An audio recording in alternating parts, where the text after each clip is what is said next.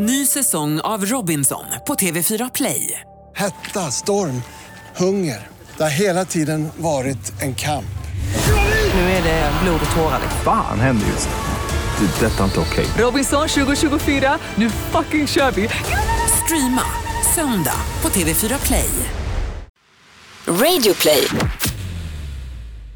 Vapen, narkotika och dopingpreparat. Allt som kan säljas dyrt på den svarta marknaden förs över gränserna illegalt. Men det finns också smugglare som åker fast med en halv djurpark i väskan. Välkommen till ännu ett avsnitt av Misslyckade brott. I Radio Plays terrarium sitter snoken Andreas Utterström och spottkobran Mattias Bergman. Tack för att du läser manus ordagrant. När du lägger på din värsta Kapten Haddock-svenska.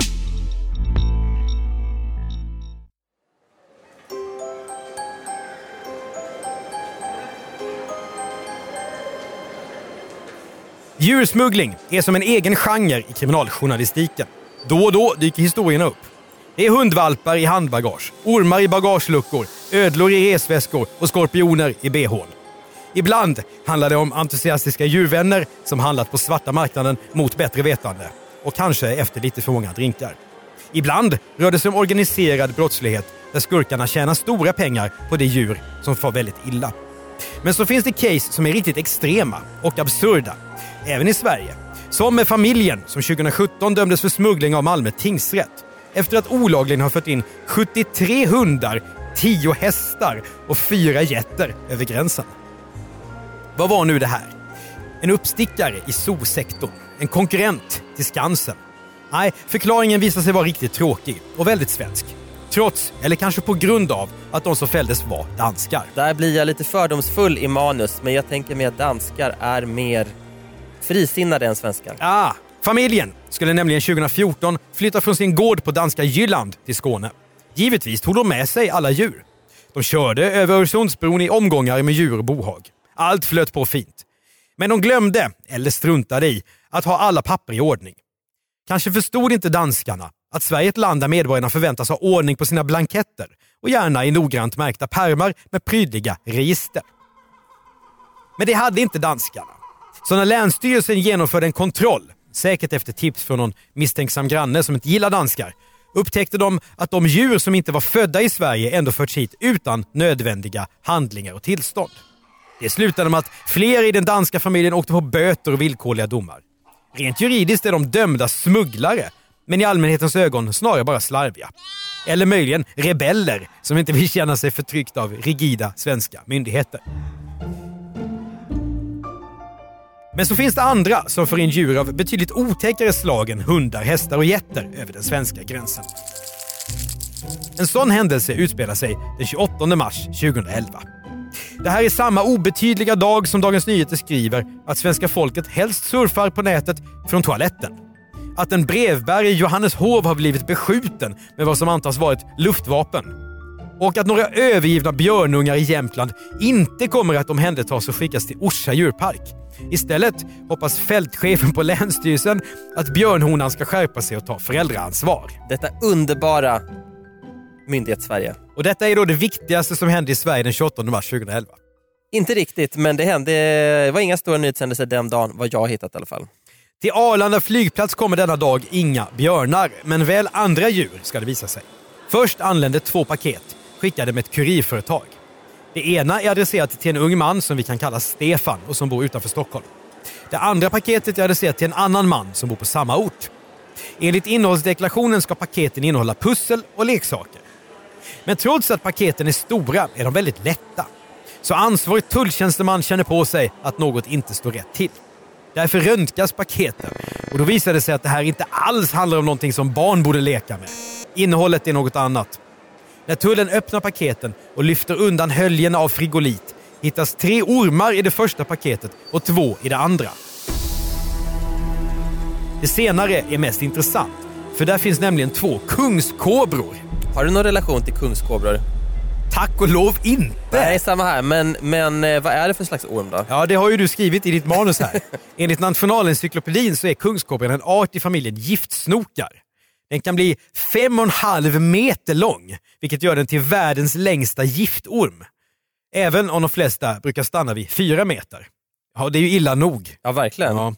Det här är ju långt ifrån någon ofarlig svensk kopparorm och här har du även klistrat in, dålig podd, men en fin bild i manus på en kungskobra. Riktigt otäck ser den ut. Den är Ja, lite, lite gröngul. Ja, uringul skulle jag säga. Ja, och sen har den då en otäck svart, röd, kluven tunga. Det här är ju ingenting som jag skulle vilja möta i, i djungeln. Ah, Det är ju Indiana Jones den här. Ja, det är det verkligen. Ja. Det är det verkligen. Kungskobran förekommer främst i skogsområden i Indien och delar av Asien. Den är också kräsen när det gäller käk. Helst äter kungskobran andra ormar. Arten har också rykte om sig att vara aggressiv. Och den som blir biten gör säkrast i att genast söka vård. Bett kan vara farliga eftersom kungskobran producerar så mycket gift. Men tulltjänstemännen på Arlanda, de klarar sig. De går metodiskt igenom paketen och hittar graverande bevis mot Stefan. Trots att bara det ena paketet är adresserat till honom så finns det fakturor där han med både för och efternamn anges som köpare i båda. Men var är nu denne Stefan? Är han hemma och väntar på sin giftiga leverans? Snickrar han på ett terrarium? Kokar han motgift på spisen? Nej, han ankommer faktiskt till Arlanda samma dag som paketen med ett flyg från Kina. Tullen kontrollerar Stefans incheckade bagage och det blir fullträff av oväntat slag. För där finns nämligen, förutom kläder och necessär och annat som vi antar att Stefan också har packat, hela 41 skorpioner och 8 ormar. Ett beslag som inte direkt görs varje dag ens på en flygplats som Arlanda. Dagen efter skriver Expressen en artikel om det som har hänt. Som alltid när det handlar om något med minsta lilla koppling till djur intervjuas också Jonas Wahlström, chef för Skansen-akvariet i Stockholm.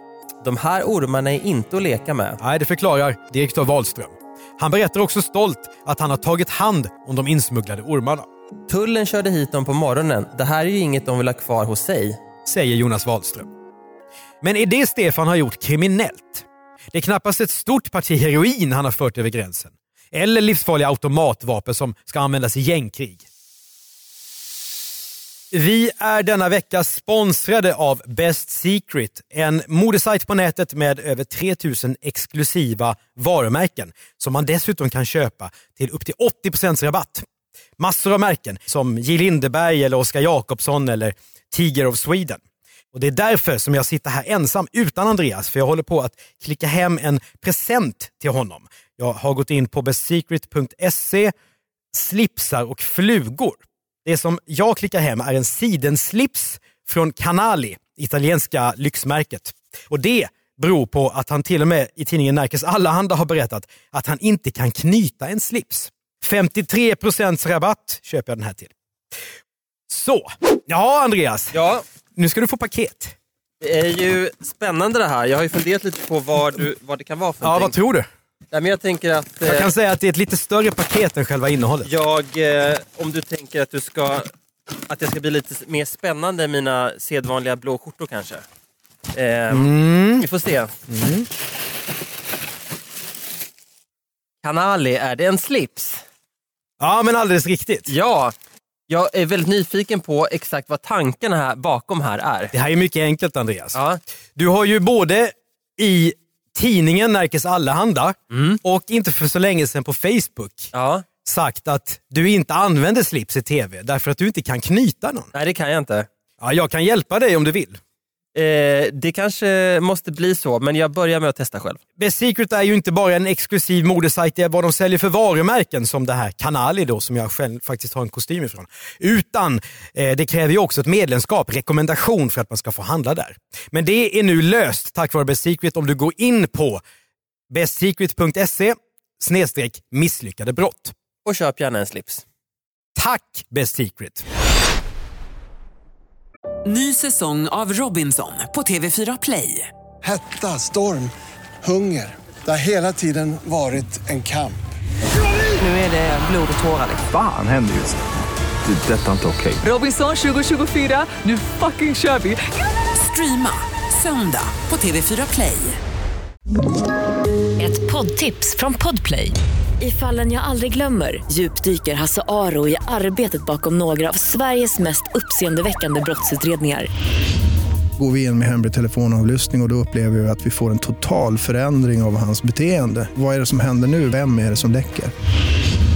Och så säger han att jag är kriminell, jag har varit kriminell i hela mitt liv men att mörda ett barn, där går min gräns. Nya säsongen av Fallen jag aldrig glömmer på Podplay. Nej, det är visserligen sant, men att smuggla orm är också olagligt. Och nu ska vi få en liten juridiklektion direkt från Attunda tingsrätts pedagogiska dom. För så här står det där. Det är förbjudet att föra in viltfångade reptiler till Sverige. Den importör som vill föra in reptiler måste vara registrerad och kunna styrka att djuren är födda och uppfödda i fångenskap. Kan Stefan göra det? Nej, det kan han inte. Dessutom ska införsel av djur från, som det heter, tredje land anmälas minst en dag i förväg till ansvarig kontrollveterinär. Så att hen kan vara på plats och se så att allt verkar vara i ordning. Det är myndighets-Sverige det här. Verkligen. Har Stefan anmält sin ankomst från Kina? Det har han inte. Han har bara ankommit gående mot exit-skylten som vilken resenär som helst. Och inte nog med det här. Just kungskobran finns faktiskt med på en lista som innebär att den endast får föras in i Sverige efter att Jordbruksverket har utfärdat ett importtillstånd. Har Stefan ett sånt? Nej, det har han inte. Men det här måste ju i grunden handla om att kungskobror kan du möjligen ha på Skansen, men ingen annanstans. Nej, och sen vill man ju inte att eh, det ska vara någon slags eh, Hawaii, nej. svart. Handel med det här Ja, utan att de ska vara uppfödda på ett schysst sätt så att eh, allting står rätt till. Tror du du eller jag skulle kunna få det här importtillståndet? Verkligen inte. Det hoppas jag att vi inte skulle kunna få i alla fall. Men vi kan ju testa. Frågan är nu vad denne orm och skorpionfantast Stefan har att säga till sitt försvar. Jo, vid sidan av sitt vanliga jobb så extra knäcker han genom att föda upp och avla ormar. Har han tillstånd för det här från miljö och hälsoskyddsförvaltningen i sin hemkommun? Jo, det har han faktiskt. 2011 när det här utspelar sig så är det än så länge bara en hobby. Men Stefan hoppas kunna leva på sitt intresse vad det lider. Målet är att förse djurparker med ormar. Stefan är också registrerad för införsel av reptiler och groddjur från vissa länder. Om det här, alltså själva hållbarheten i den här affären som bolag, den går vi inte in på nu va? Nej, det gör vi inte. Nej. Eh, men det kanske, vi kanske dyker upp i vår andra podd Misslyckade affärer. Ja, det är faktiskt möjligt. Men om den här reptilintresserade unge mannen nu är en seriös aktör som faktiskt strävar efter att på heltid jobba med att avla orm, hur kunde han då ställa till det för sig på det här sättet? Han om någon borde väl veta vilka lagar och regler som gäller i Sverige. Stefan borde väl också ha insett att tullen skulle fatta misstankar. Om inte mot de två paketen från Kina, så i alla fall mot hans egenincheckade djurpark. Under rättegången berättar Stefan själv att han under sin resa i Kina har träffat en person vid namn Gavin som han har importerat te ifrån tidigare. Den här gången så blev det istället snack om ormar. Och även det skulle Gavin, som Stefan också har träffat på en reptilmässa i Tyskland, kunna bistå med. Tror du på Gavin? Ja, det här är ju lite som domstolar ibland skriver, bär inte sannolikhetens prägel. Av någon anledning så blev dealen mellan Gavin och Stefan inte riktigt klar. Nu kommer någonting som jag inte tror på däremot. Stefan ska då ha betalat en del av köpeskillingen för att visa att han hade likviditet. Men affären var inte i mål.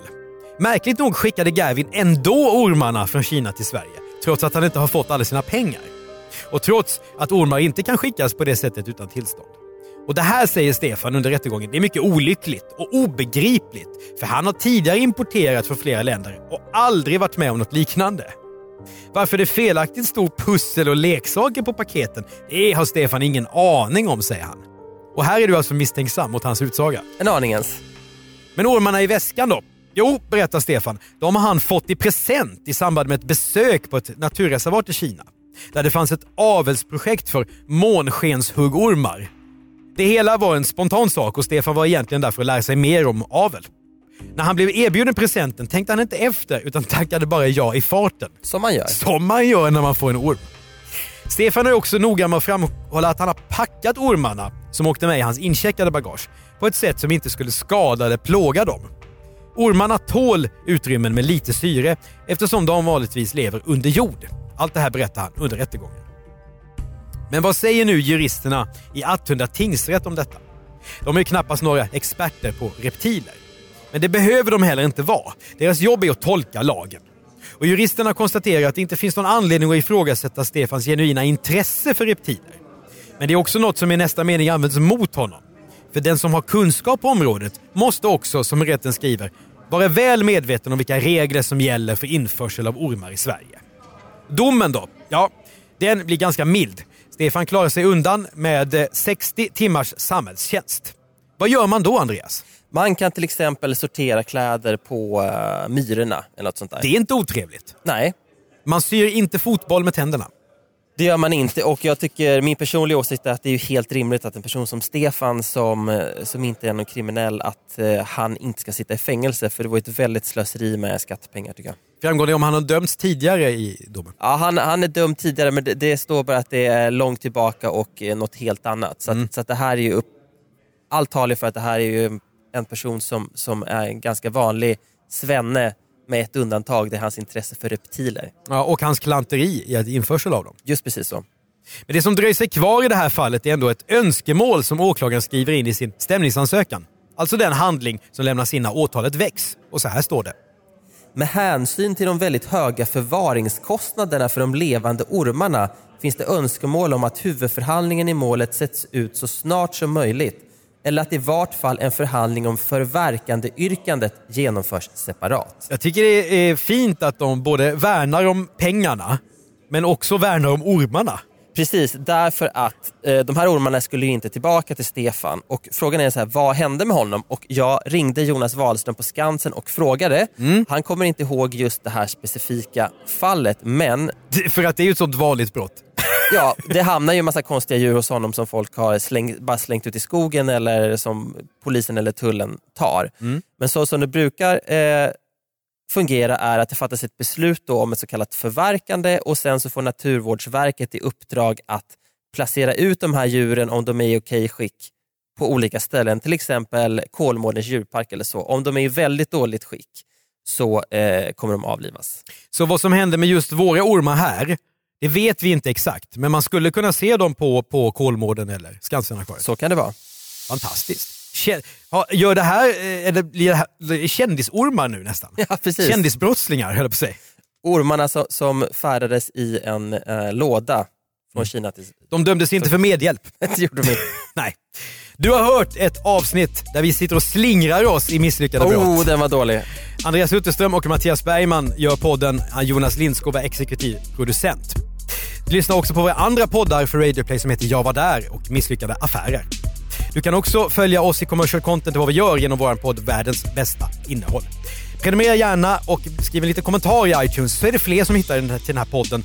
Och tipsa oss om case, ormar eller inte ormar, till misslyckade at bplus.se.